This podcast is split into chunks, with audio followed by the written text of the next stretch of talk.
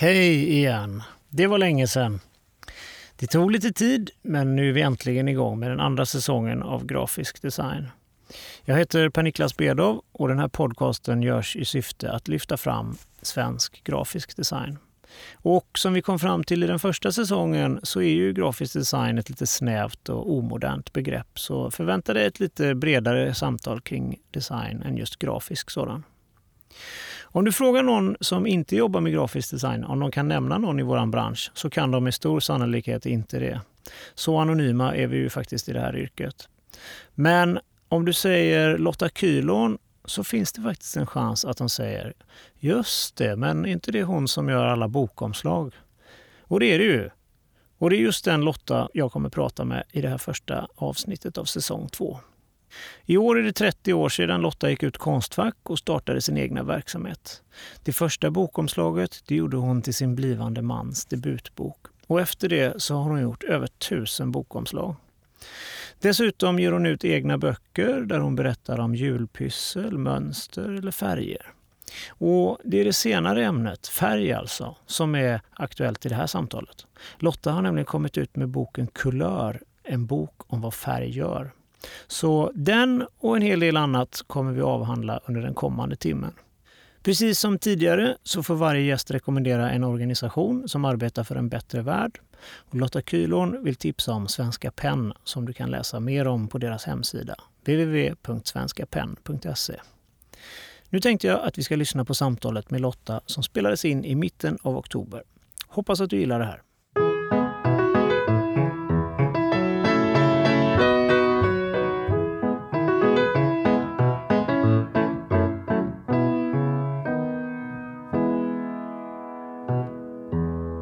Hej Lotta! Välkommen till Grafisk design.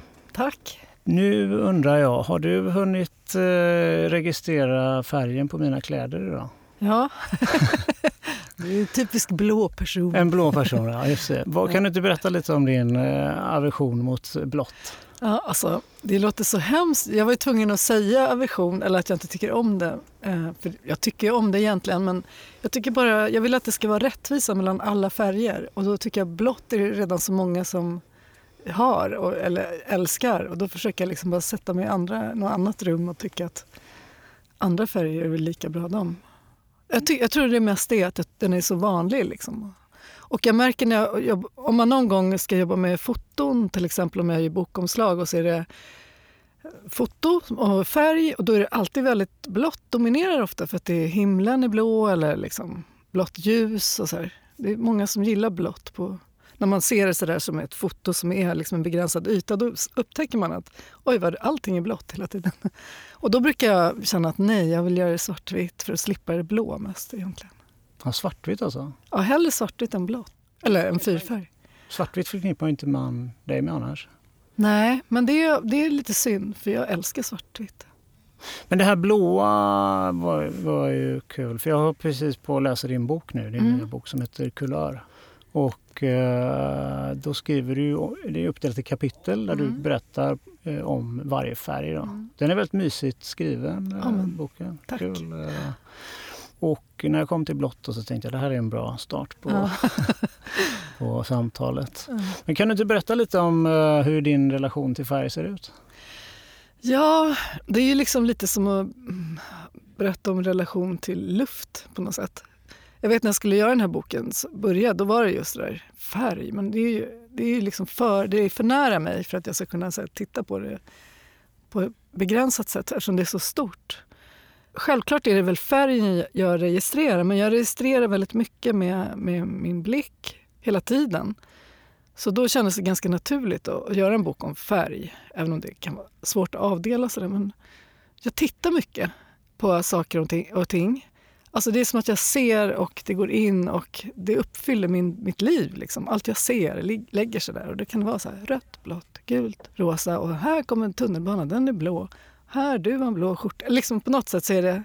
Jag, jag, vet inte om... Jag tror kanske att det inte alla gör precis på samma sätt. De kanske tänk, tänker på saker de har varit med om eller saker som händer i världen. Jag kanske mer ser bild eller så, färger. Men hur, eh, hur mycket tid lägger man på att göra en sån här bok? Ja, det tog... Eh, Först i, i huvudet, jag visste att jag skulle göra den. Det gick jag med i ett och ett halvt år. Det, lätt, det var, kändes kul men jag kom liksom aldrig igång.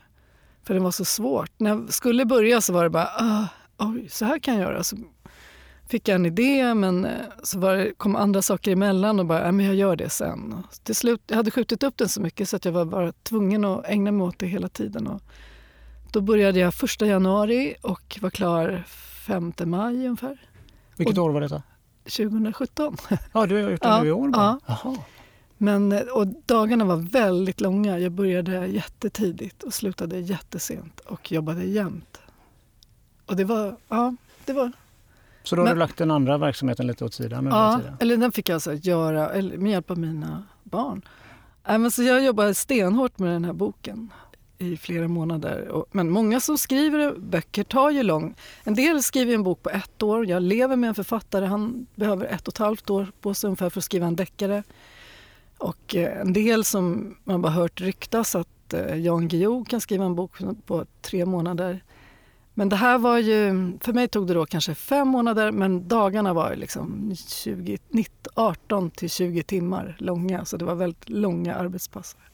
Kanske inte supereffektiva alltid men så jag skulle tippa att jag borde ha tagit ett år på mig men det fick gå lite fortare. Har man igen det här ekonomiskt? Nej, jag tror inte det.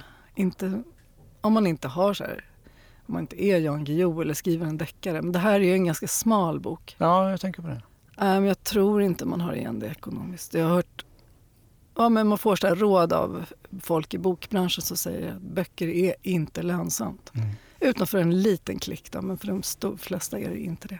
Och inte i alla fall ekonomiskt? Då, nej, nej, nej, nej, Hur, hur, ser en sån deal ut? med Det är Bonnier Fakta som mm. har släppt den. Hur ser dealen ut? Det är väl som Eh, alltså man får skriva kontrakt och man får, halv, man får royalty då. Alltså då har de räknat ut en upplaga och ska trycka kanske 4-5 tusen och så får man halva den upplagan i förskott. Alltså då får man, vad man nu får, jag vet inte var, men procent, alltså man får kanske 25 procent på varje såld bok. Och halva upplagan då. Ja. Och sen så säljer man kanske i bästa fall den halva man har fått betalt för redan och så säljer man lite till och det räknas det av så att ett år senare får, får du resten. Liksom. Men du har gjort några böcker tidigare? Ja, så det var min lite som... sjätte bok. Ja. Alltså, en om äh, mönster? Ja, en om mönster. Så jag har gjort en om, om jul ja. och en äh, kokbok och två målarböcker, såna här fylla i-böcker och den här nu om färg. Så att det här är väl kanske egentligen min andra stora bok som jag skriver och jobbar med på det sättet. Som har temat grafisk design. Eller vad ska jag säga. De andra är lite mer runt omkring liksom, mitt liv. Hur mycket tid lägger du på texten när du gör en bok? Eh, väldigt mycket. Och eh, väldigt mycket i början såklart. Det är som att det går inte att börja med att göra form om det inte finns någon text. Jag gör ju mycket bokform annars också, men då är jag alltid så här, ja men vad är texten? Annars kan jag ju inte jobba om jag inte har något att läsa och liksom försöka tolka sådär till form. Så att jag måste, man måste skriva först. Den här gången, förra boken tror jag skrev klart allting och sen eh, den där förra om, om mönster. Sen började formgivningen då. Men den här gången var jag så sent ute så jag hann liksom inte... Jag var tvungen att skriva lite, börja form, skriva lite mer. Alltså jag varvade väldigt mycket den här gången. Men jag började med ett kapitel. Och sen när det var klart, jag gjorde om det två gånger tills jag liksom kände att nu, så här ska de vara. Och sen var det bara, ah, nu är elva kvar, eller tio kvar. Elva kapitel är det. Eller elva färger har jag med i boken. Mm. Och du börjar med gul? Mm, fick från min redaktör ett förslag. Gör så här, de här färgerna i ordning. Och då blev jag jätte... Jag, kände, jag håller alltid på så jag bara, nej det kanske jag inte alls vill göra. Så när jag hade gjort eh, hans, hans förslag blev väldigt så här, som en kritask tycker jag. Att det blev så här, som en, från början till slut. Jag, jag gillade mer när kapitlen låg i oordning. Liksom att jag såg den lila och sen kom det grå och sen kom det gula. Men sen blev jag ändå... Jag gjorde någon sorts mellanting mellan våra idéer. Alltså jag gjorde dem inte riktigt i den ordningen som de är i boken. Jag gjorde först en, liksom en, de stora färgerna, då, de här grundfärgerna kan man säga, gult och grönt och blått och rött. Jag varvade en sån grundfärg med liksom en lite mellanfärg medan jag jobbade för att det blev så tungt annars. Finns det möjlighet att gå internationellt med en sån här bok? Jag hoppas det. Min förra bok kom om mönster. Den trycktes på engelska och tyska. Och det har gått jättebra i många år. Jag har varit glad för det, att de har kunnat leva länge och det har jag känt, särskilt med de här två böckerna. Att jag vill inte att det ska vara som en tidning, att man liksom läser från perm till perm och sen, ja nu är jag klar med den där och lägger den åt sidan. Jag tycker många böcker är så, särskilt fackböcker, att de blir så här bläddervänliga och sen så är man klar med dem, ungefär som en tjock tidning. Jag vill, att, jag vill mycket hellre att de ska hålla längre, att det inte ska vara så där, ja den här är så mycket 2017, utan att jag vill att det ska vara lite, räcka längre. Därför tänker jag att den här boken, det handlar, för mig är det inte så här, ah, hur säljer den de första tre månaderna, utan hur säljer den? För, alltså den kan sälja i flera år. Så gjorde min förra bok. Det, det märktes liksom ingen direkt skillnad. Även om det inte är någon massupplaga så är det liksom en jämn upplaga. Jag får fortfarande mejl från läsare från andra länder på den förra boken och det är jättekul. Alltså man blir ju jätteglad och så hoppas jag ju att det ska kunna bli med färgboken också. De, det är Frankfurtmässa prick nu när vi sitter här. Den börjar idag tror jag. Så jag, jag är lite så nyfiken. Jag har inte hört någonting. Liksom. Eh, jag har inte ens så här, hoppas min bok... Jag har inte ens pratat med min förläggare eller förlag. Jag bara hoppas att det händer någonting med mm. Men hur länge har du eh, intresserat dig för färg? Alltså sen jag var liten. Jag tror, som jag beskrev lite hur det är för mig med bilder och sådär, eller vad jag ser. Jag tror jag måste ha liksom legat på någon säng direkt från början och bara noterat. Sådär. Det har varit väldigt betydelsefullt. Liksom. Min röda stol, min blåa penna, mina strumpor de ska vara si och min jacka och min... Allt, det sen jag kommer ihåg. Jag, jag ser alltid liksom färgen ihop med saken. Då, men, men som sagt, jag har alltid tänkt att så är det väl alla, eller det, så kanske det är. Men du omger dig mycket med, med fina objekt, säger du mm. ofta i intervjuer. och mm. sådär. Vad är det som är viktigt med det? Jag vet inte, jag tycker vissa saker är så vackra så jag tycker det är så slös att inte omge sig med det. Ibland tänker jag, det låter så hemskt, men att, att leva, eller livet, det är att ha vackra saker, eller se vackra saker, eller se vackra rum eller vacker natur eller att uppfyllas av att någonting är vackert. Så tycker jag lite är meningen med livet. Men vad är vackert då? ja, men någon, ja, någon skön form, färg, en sak ett material, porslin och någon liksom liten kant, någon liten vacker böjning. Och liksom. Jag ser ju fort vad som är vackert. Sen kan det vara jättesvårt att göra det själv, det vet jag ju. Liksom, att hur gör man det vackert? Det finns liksom inte riktigt några enkla formler. Sådär, man... Har vackert varit eh, samma länge för dig? För jag tycker för mig själv så förändras det hela tiden. Jag tycker att man är så präglad av den tiden man lever mm. i. Så först så ser man någonting och då är det jättekonstigt. Mm. Och så tittar man på det en gång till och så tycker man att det är Ja, kanske. Och så ser man en gång till och då är det intressant. Ja. Och sen är det standard och sen är det fult efter ett tag. Ja. Men hur har du, för du har ju haft en stil som är ganska konsekvent genom åren. Sådär.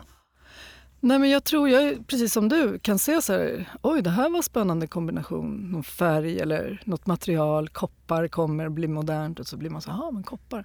Men sen så måste man vänta ut den, sen precis den cirkeln som du beskriver. Att man först bara, och konstigt och sen, äh, men ganska fint och bara, jag älskar det här och sen, nu är jag trött på det här. Men sen efteråt kan man ju tänka, men koppar har ju alltid funnits, det materialet. Och det var kul att bli påmind om koppar. Jag, jag tycker om det. Liksom. Jag ställer det här, det materialet. Och sen, nu kan jag gå vidare till nästa. Men, eh, så att, eh, på sätt och vis är det väl mycket som redan finns. Men rätt vad det är kommer det nya saker som, är, som får ingå i det där. Men man behöver lite tid för att känna att det ska hålla den där. Du tittar ganska mycket bakåt i, mm. uh, och, och hämtar inspiration bak, bakåt i tiden. Ja. Sådär. Ja, det är svårt att hämta inspiration framåt i tiden. Ja. Men, eh, men vad, och så nämner du ofta att du växte upp med, eh, med, med lite färg och form runt om mm. dig. Var det din mormor som ja. hade? Mormor hade, jag vet inte, hon dog när jag var tio så jag liksom, vi hann inte prata så mycket om det. Men de sakerna, jag tyckte så mycket om henne som människa och som mormor. De sakerna som hon hade förknippar jag så mycket med henne och då blir det något vackert bara därför. Hon hade någon sockerskål som var så här hamrad koppar till exempel. En liten kista ungefär med ett lock man tog av. Då tycker jag mycket om det nu. Eller så, de grejerna bryr jag mig inte om allt hon hade men vissa grejer är så extra mycket som vissa dukar och vissa vaser och viss porslin.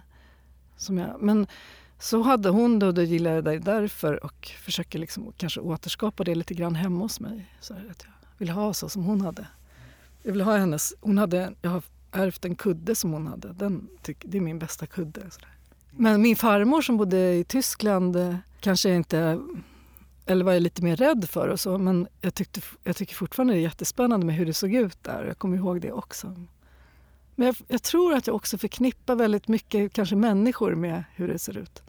Alltså, om, ja, men just det, släkten, eller de här nu kära släktingarna, farmor och mormor och morfar och, som jag aldrig träffat. Men farfar, det de hade, det blir liksom det viktiga. Alltså.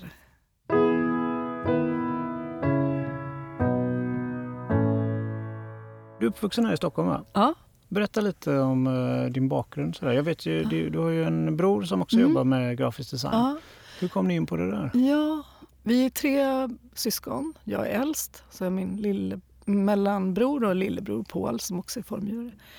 Nej, alltså vår mamma var teckningslärare och hennes tvillingsyster var keramiker. Båda de hade gått på Konstfack ungefär när jag föddes. Och, eh, mormor var väldigt bra på att teckna och gjorde akvareller. Och farfar var också bra på att måla. Men jag tror att det var lite mer allmänbildning förr i tiden. då.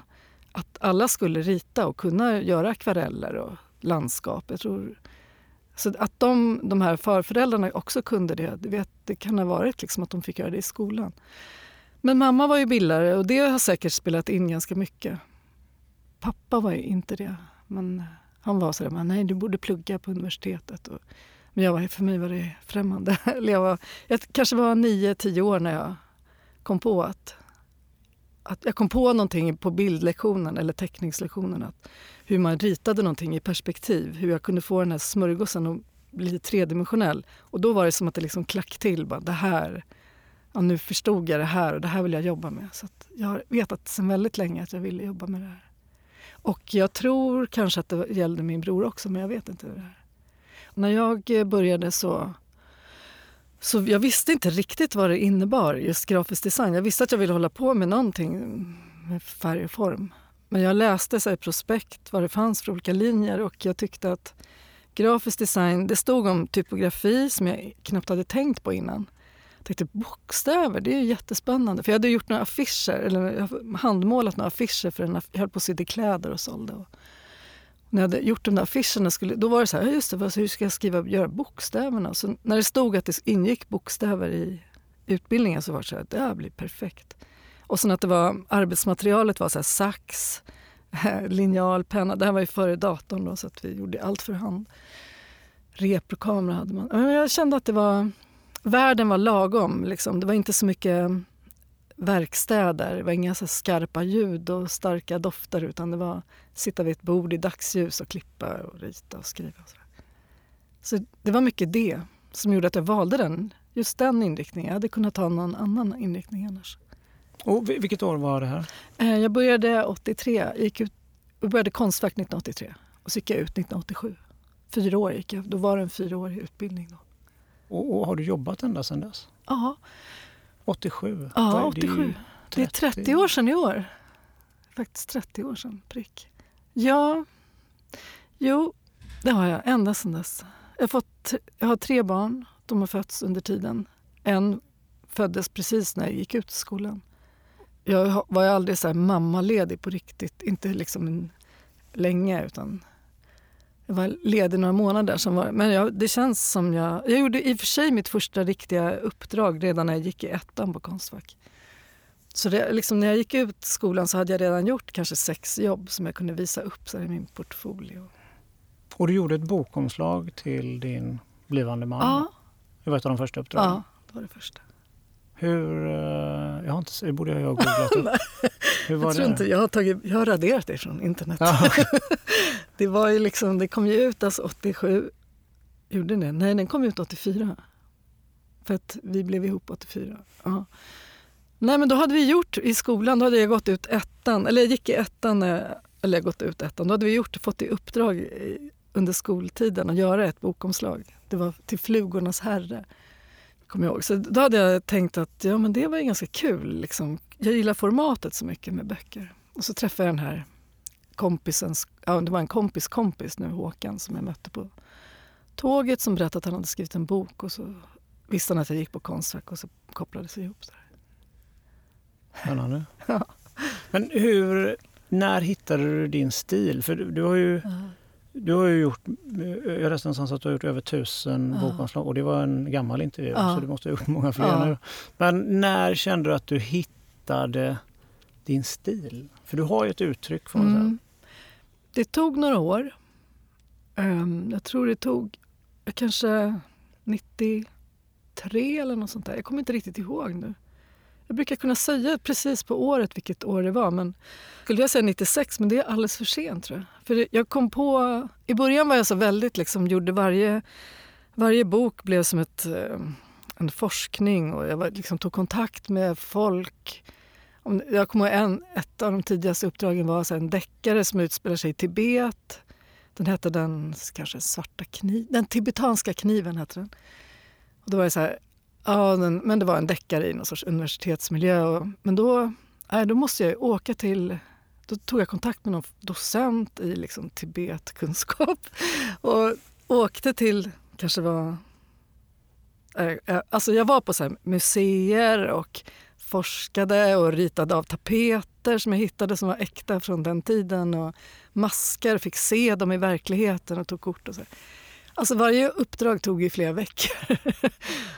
Och sen kom jag bara på att det var inte så tacksamt för eh, det blev inte bättre för det, oftast inte. Det blev bara, tog bara väldigt lång tid och det gick inte att tjäna pengar då. Så då, jag vet inte, någon gång hade jag väl gjort någonting som jag kände det här är lite, det här är roligt, det går jättefort, jag tycker om det, jag, blir, jag är på bra humör hela tiden. Jag gjorde något som var lite mer så här, inte som jag, inte som, jag bara gjorde på mitt sätt istället. Lite så här utropsteckenaktigt. Eller? Ja, det läste jag någonstans ja. att du sa. Vad, vad var det? Ja, men liksom man bara tänker så här, den här ska synas. Den handlar om det. Det är som tre meningar. Den det ska synas, det handlar om det här. Ja, kanske någon till mening, jag vet inte. Men det var något du sa med, med att det skulle vara utropsteckenaktigt ja. eller sådär? Jo, men det ja. tänker jag nog ofta med. Jag tänker så bokomslag och att det är lite som affischer fast smått. Liksom. Ja, det är det ju. Ja. Eller som annonser. Och det räcker. Ja, det kan vara en liten grej bara. Det måste synas. Liksom. Och då blir färg till exempel viktigt. Men har du någon process när du jobbar? Hur ser, hur ser det ut när det kommer in ett nytt uppdrag? Ja, det, oh, det är så olika. Men jag brukar först för att fatta vad det är för uppdrag så vill jag läsa då, om det är en bok. Så, du läser, läser boken? Ja, jag läser nästan alltid hela Menar boken. du det? Ibland, ibland har jag inte en bok utan får bara tre sidor. eller någonting. Då läser jag dem. De där papperna som jag får först, eller kontakten, den som ringer eller vad det är.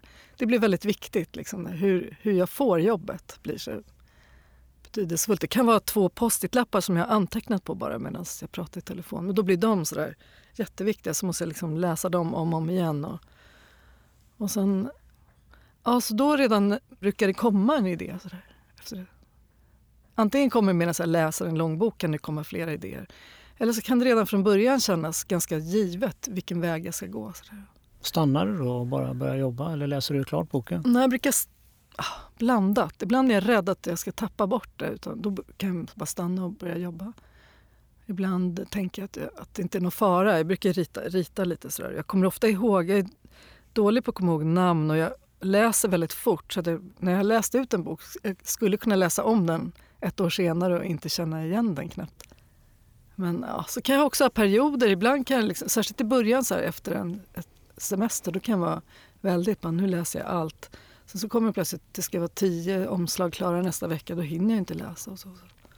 Men det är ganska dåligt betalt med bokomslag, eller jag, jag har tyckt, gått och tänkt och det är ju inte bra om man tänker att jag har lika mycket betalt nu som i slutet på 1900-talet så har inte liksom, det följer inte index eller sådär.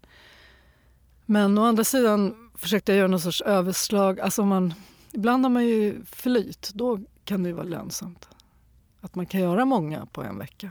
Eller några stycken alltså, som blir bra. Men Som förra veckan då ägnade jag, gjorde jag 65 skisser på en bok som tog mång, alltså ett par veckor. Och det kommer ju aldrig löna sig. Liksom. Men hur tänker du med övergången till just digitalt sådär nu? Det måste ju påverka ditt jobb ganska mm. mycket, hur du tänker och så. Ja, ett eller under många år har jag tänkt så att jag vill att det ska funka väldigt litet, omslaget. Så att hellre liksom göra något så här, lite utropsteckenaktigt som funkar i det lilla formatet. Men jag vet inte om det är, är samma. Jag, jag, har fortfarande helt gammaldags inte... Jag har väl läst ett par böcker på så platta men det är inget liksom, någon värld jag är inne i. Så där, så. Jag, jag, vill liksom hålla i boken. Alltid när jag jobbar, när jag skissar och så där så måste jag skriva ut, ut det. Jag gör alltid en dummy. Skriva ut det jag har lärt mig av två kollegor. Alltid skriva ut, vika rent, tejpa fast på en riktig bok för att kunna hålla i oss. Det är inte först då jag ser vad, vad det är, liksom, eller hur nära kanten saker och ting ligger. och så där. Och därför funkar det inte så i det digitala för mig. tycker jag. Jo, men jag har märkt att om jag tar kort med mobilen och tittar på det i mobilen, då blir det ju någon sorts lite mindre. Och där kan du också få den där samma, att jag vill se hur det blir i mobilen. Så det är väl... Vi har lite samma problem. Vi gör inte så mycket bokomslag, mm. men vi gör en del skivomslag. Mm. Eh, och då gör vi ja, vinylskivor. Det, det. Och då pratar jag ofta med skivbolaget och artisten och säger vi borde göra något helt annat för Spotify. Där behöver inte till exempel stå namnet på artisten Nej, för det, det står ju redan i texten. Eh, så att man kan nästan se skivomslaget. Om man ser det som en logotyp så kan man se liksom Spotify-bilden som någon favikon eller avatar eller någonting.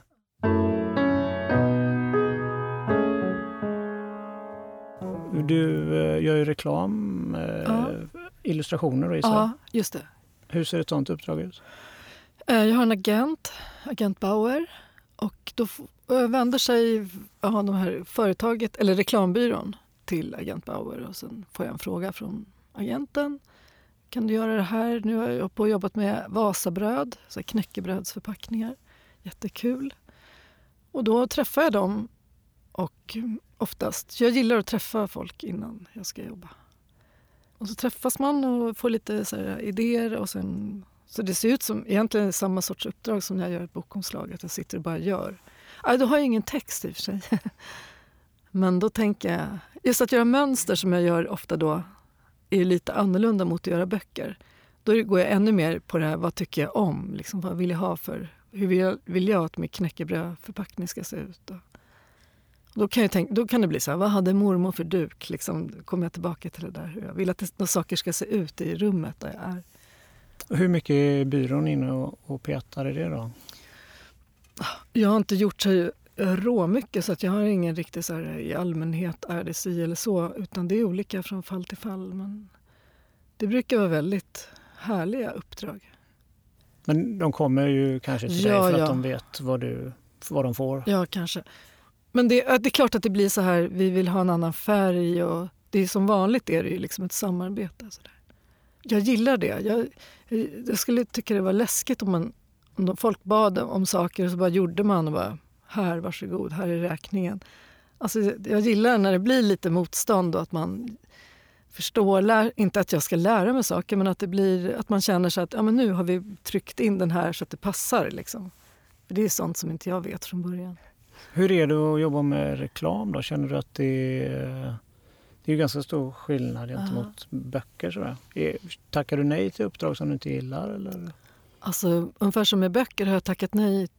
Jag har tackat nej till ett par böcker och jag har tackat nej till ett par uppdrag, reklamuppdrag. Det är verkligen inte mycket. Vad är det du tackar nej till då? När det var böckerna var det att jag, ja, men jag läste en bok och kände bara den här tycker inte jag om överhuvudtaget. Och så, tur var, var jag ute i god tid så att jag, så att jag kände att jag kunde tacka nej. Uh, och det var väl ungefär som reklam, att jag liksom inte gillade det företaget. Det är väldigt lite då, promilleaktigt, hur sällan det händer. Och så förutom bokomslag och reklam så gör du lite produkter. Mm.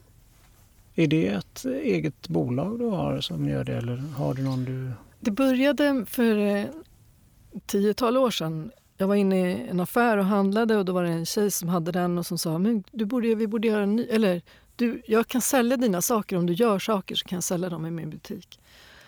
Och sen hörde hon av sig igen och sa, men vänta vi gör så här att vi hittar på saker tillsammans. Eller du gör saker, vi gör ett företag ihop och sen producerar vi det tillsammans. Och så säljer jag det i min butik och så eh, säljer vi det till andra butiker. Och så delar vi lika på det. Så gjorde vi det. Det var jätteroligt. Vi hade det väl i sju, åtta år. Och jag tänkte lite på det som, det var jätteroligt. Men jag såg andra företag som gjorde likadant då. Man gör produkter, man måste göra nya hela tiden. Varje år eller varje, två gånger om året minst. Kanske fyra gånger.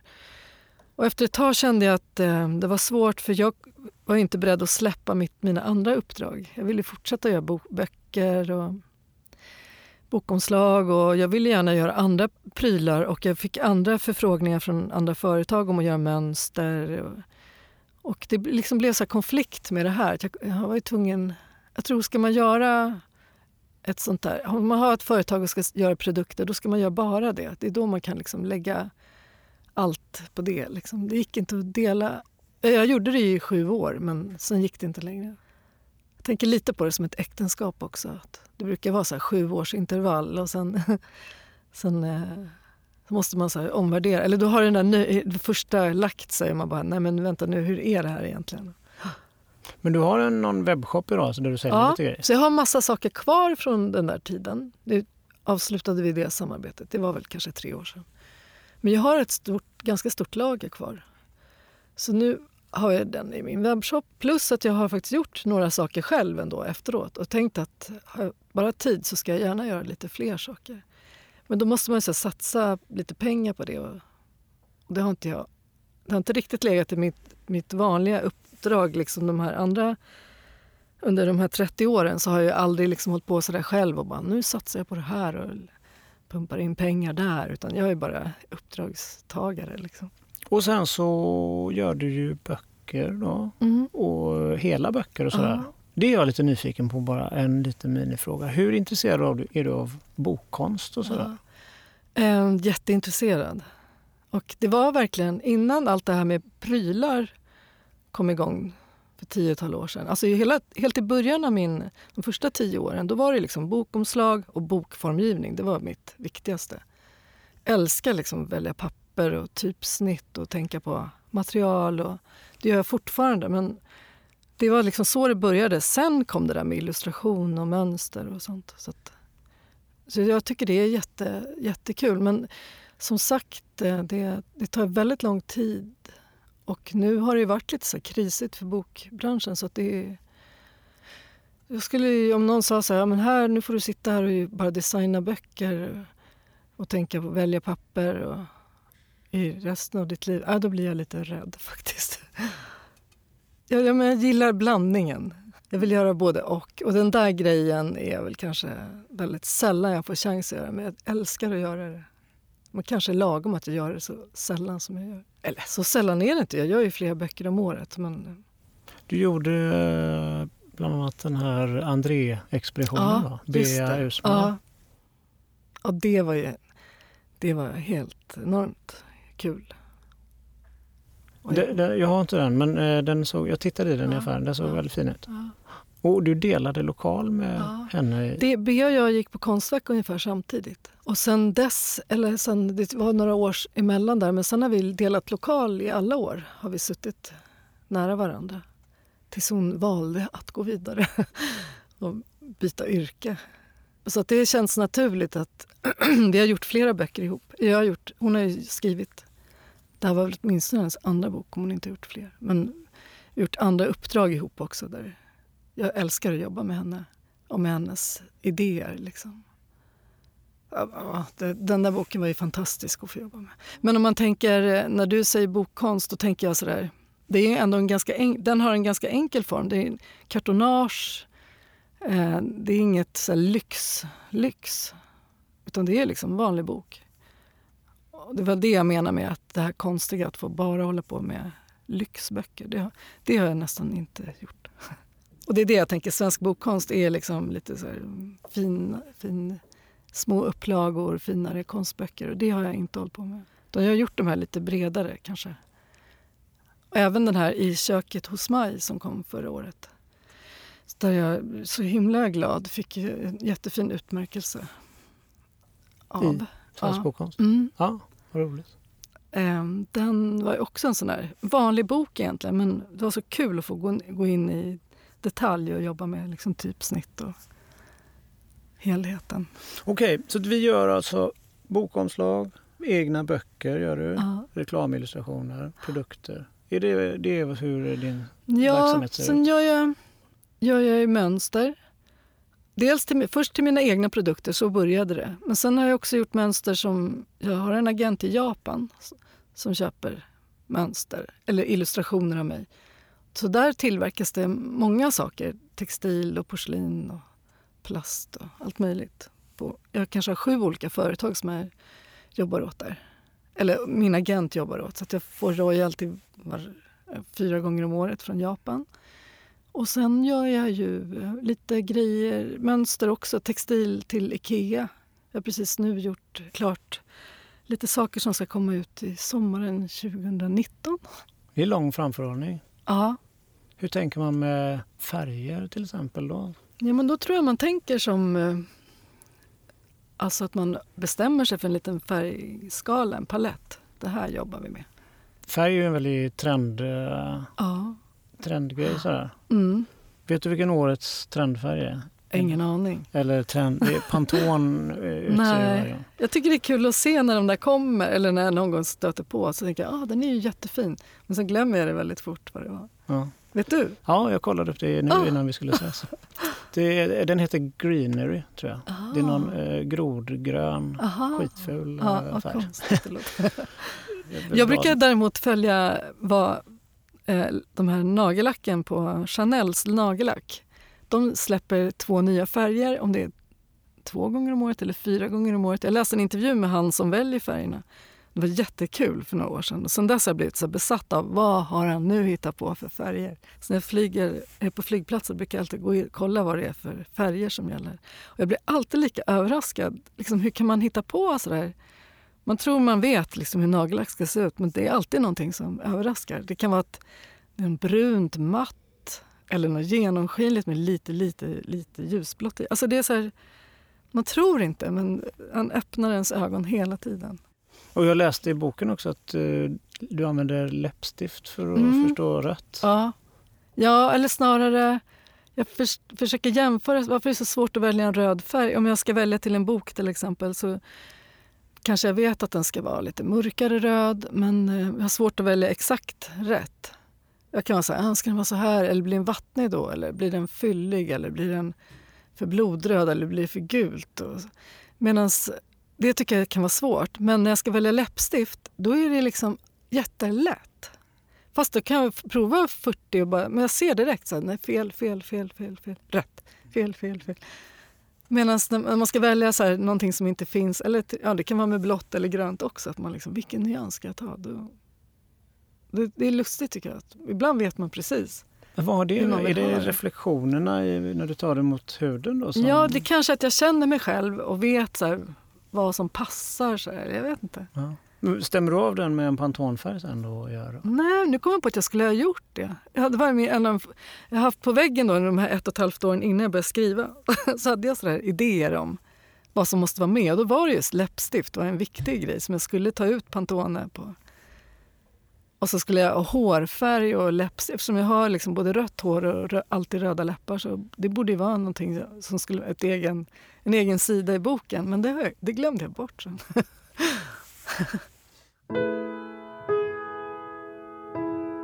En sak som jag är lite nyfiken på det är att du jobbar med i alla fall en. Du har jobbat med båda Mm. dina söner. Mm. Eller två utav tre söner. Två utav tre, ja. Ja. Hur eh, är det att jobba med sina barn? Det är jättebra. Jag eh, har ju alltid frilans, alltså varit själv i min lokal och ibland har jag hyrt ut något rum. Jag har alltid sett till att jag haft, eller nästan alltid, jag har också hyrt in mig på ställen. Men jag gillar att vara själv. Och det går liksom inte, jag har väldigt svårt att ha eh, praktikanter. För jag blir så konstig av det. Jag blir, tänker för mycket på relationen oss emellan. Eller nu ska jag lära henne eller honom.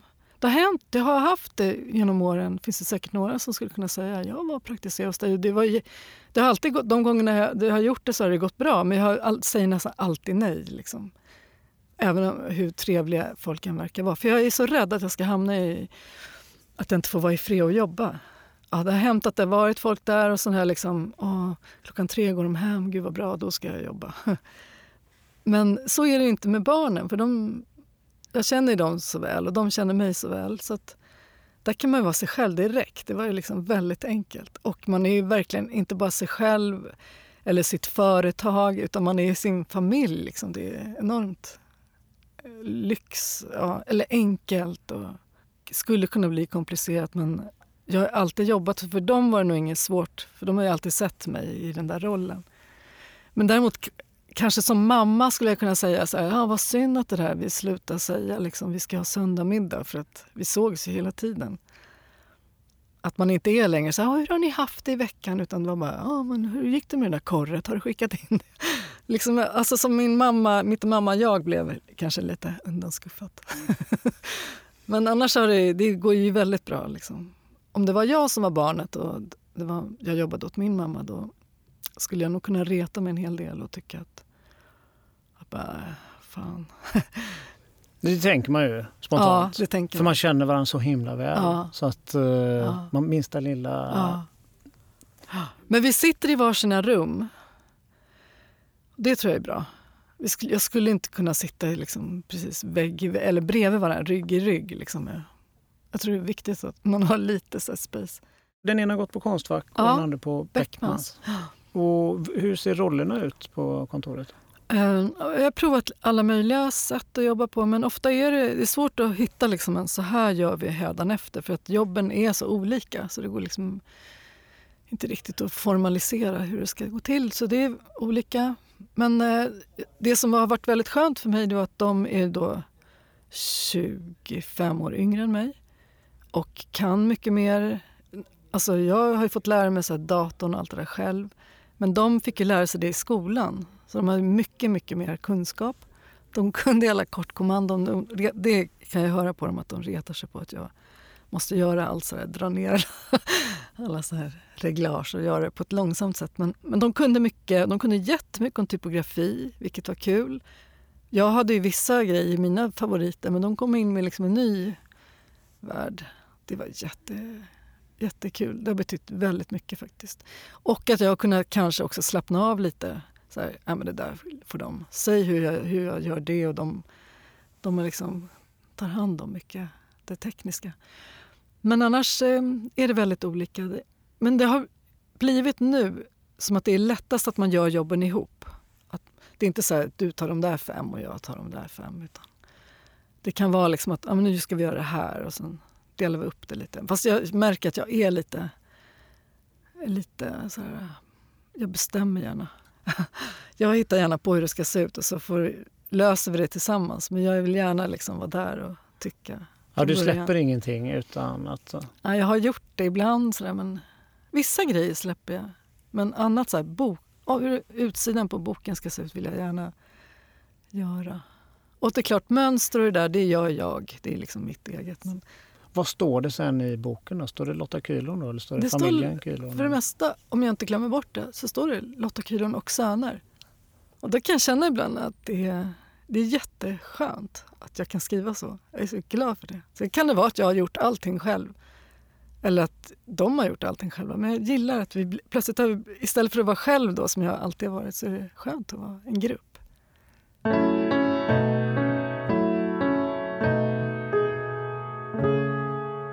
Du är ju en av Sveriges mest kända grafiska formgivare. När jag berättade för folk att jag skulle intervjua dig så var det flera som inte alls jobbar med det här eller känner till grafisk design som visste ditt namn och sådär. Hur har det kommit sig? Har det varit en medveten strategi att bli väldigt publik? Nej, det har det inte. Um, det har det verkligen inte. Jag är, jag är däremot väldigt glad. Jag blir så liksom rörd när jag hör det. För eh, jag tänker lite så här ehm, att ja, men dels blir man så men gud, tänk att det gick så där. Jag bara, var så liten, jag har inte gått gymnasiet eller någonting och sen har jag lyckats göra saker på på mitt sätt på, i mitt jobb som många har sett och tycker om, antar jag. Eller, eftersom de vet liksom vem jag är. Men jag tror också att det kom lite i en tid när det inte var så. Grafisk design var inget begrepp riktigt när jag började.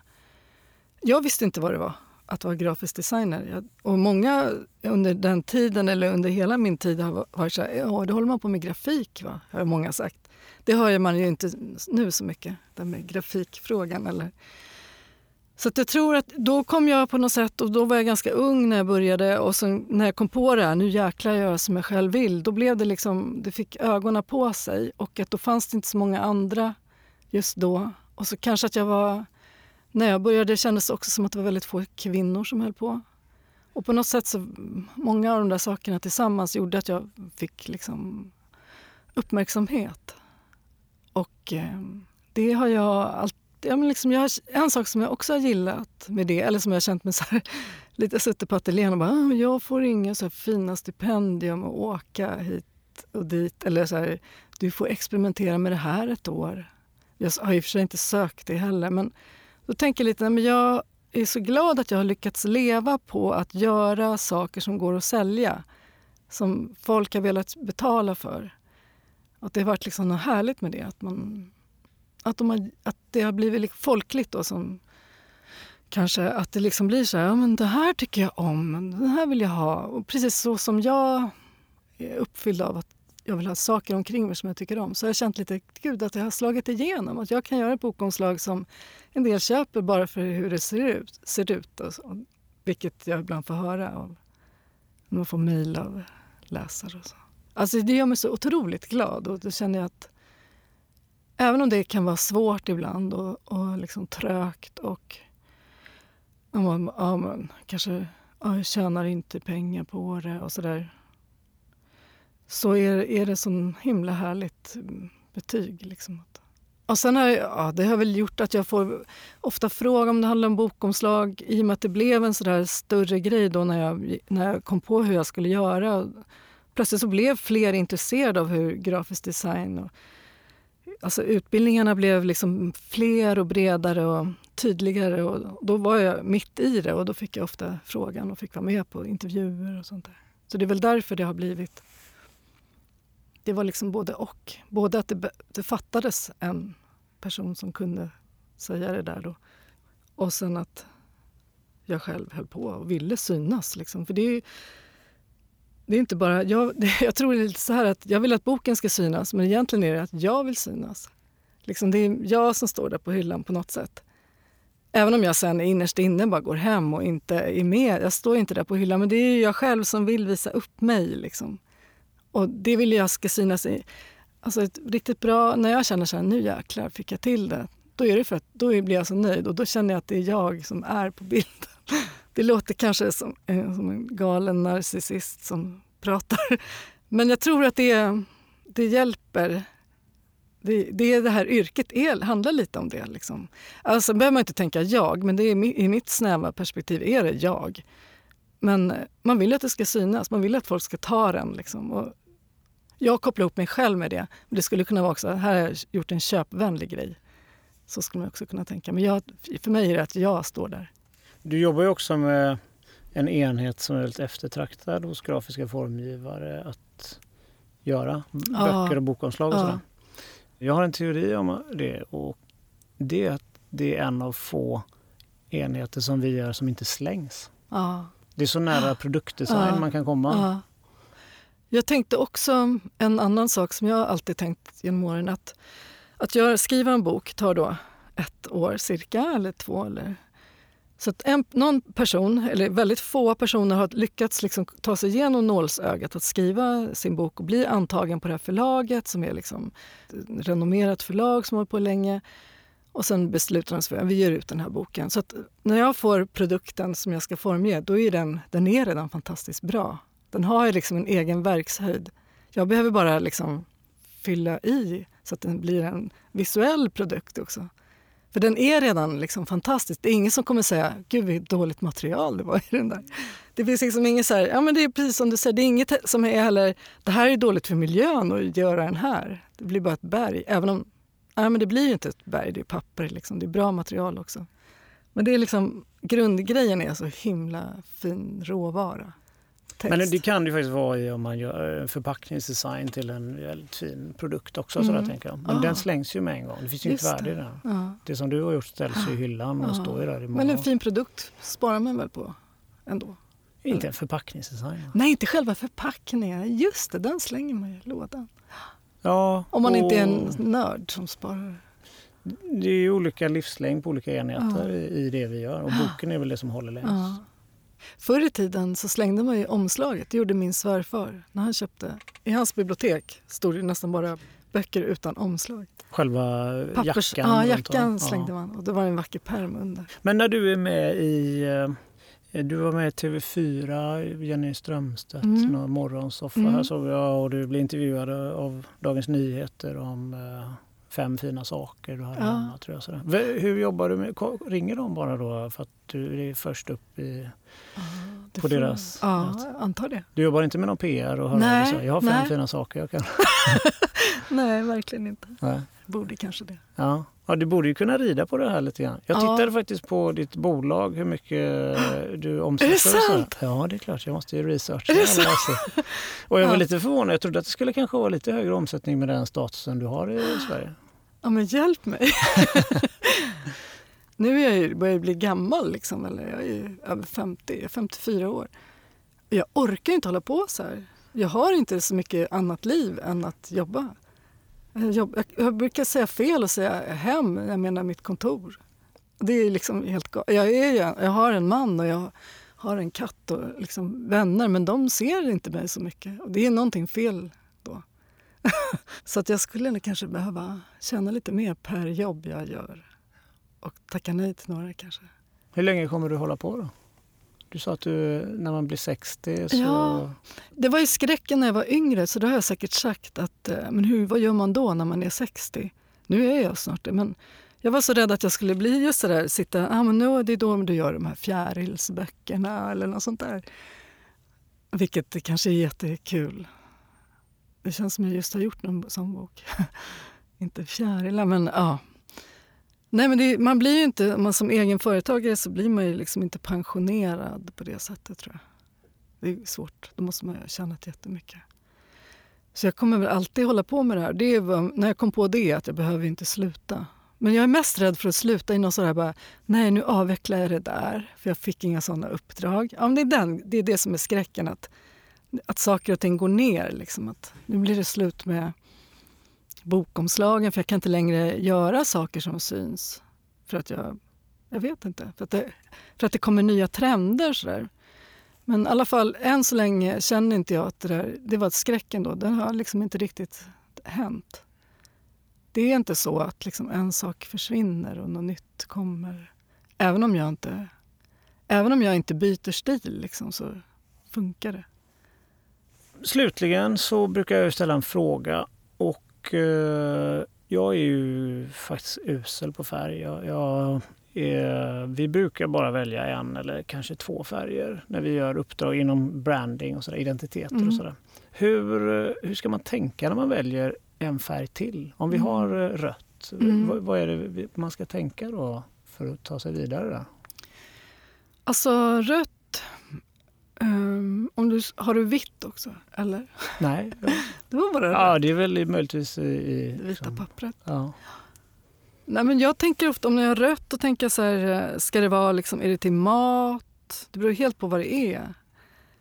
Man tänker så här, ketchup och senap, liksom rött och gult är en bra kombination. Men eh, rött och brunt är ju väldigt svårt. Det skulle jag inte tänka. Jag skulle tänka liksom rött och kanske... Det, mest, det som ligger nära till hands är ju rött och blått, ungefär som varmt och kallt. Eller rött och grönt som stopp och kör. Rött och grönt eller rött och blått, det skulle jag tänka. Eh, så om du, rött är så dominant, så om du lägger en pastell i det röda så syns ju inte den. Eh, det är som att ögat det flimrar för mycket. Du kan inte, liksom, inte ens lägga ljusgrönt ihop med rött tror jag. Skulle, då skulle det se ut som det bara var vitt eller lite grått. Men det beror lite på var det ska ligga, om det är på utsidan av det röda eller inuti det röda. Men eh, till rött skulle jag väl... Jag älskar ju rött, blått och vitt så att jag skulle börja där. idag, idag gjorde jag, i morse gjorde jag ett bokomslag där de först hade de sagt ja, men jag hade gjort en skiss som var rosa och blå. Så bara, nej, men hon vill ha gult och brunt istället. Och då blev jag så glad, för det är inte många som brukar säga det. Gult och brunt, ja, det är fina färger. Så gjorde jag det och tänkte, kände bara, gud vad kul, det här kommer ju också synas eftersom gult och brunt inte syns. Men sen då var det, blev det genast så här, nej den bruna känns lite tråkig. Kan du ta gult och rött istället? Då var det, det kan man ju göra, men det var, det var nära att jag fick göra gult och brunt. Ja, tack för tipset och tack så mycket för att du kom hit. Ja, tack.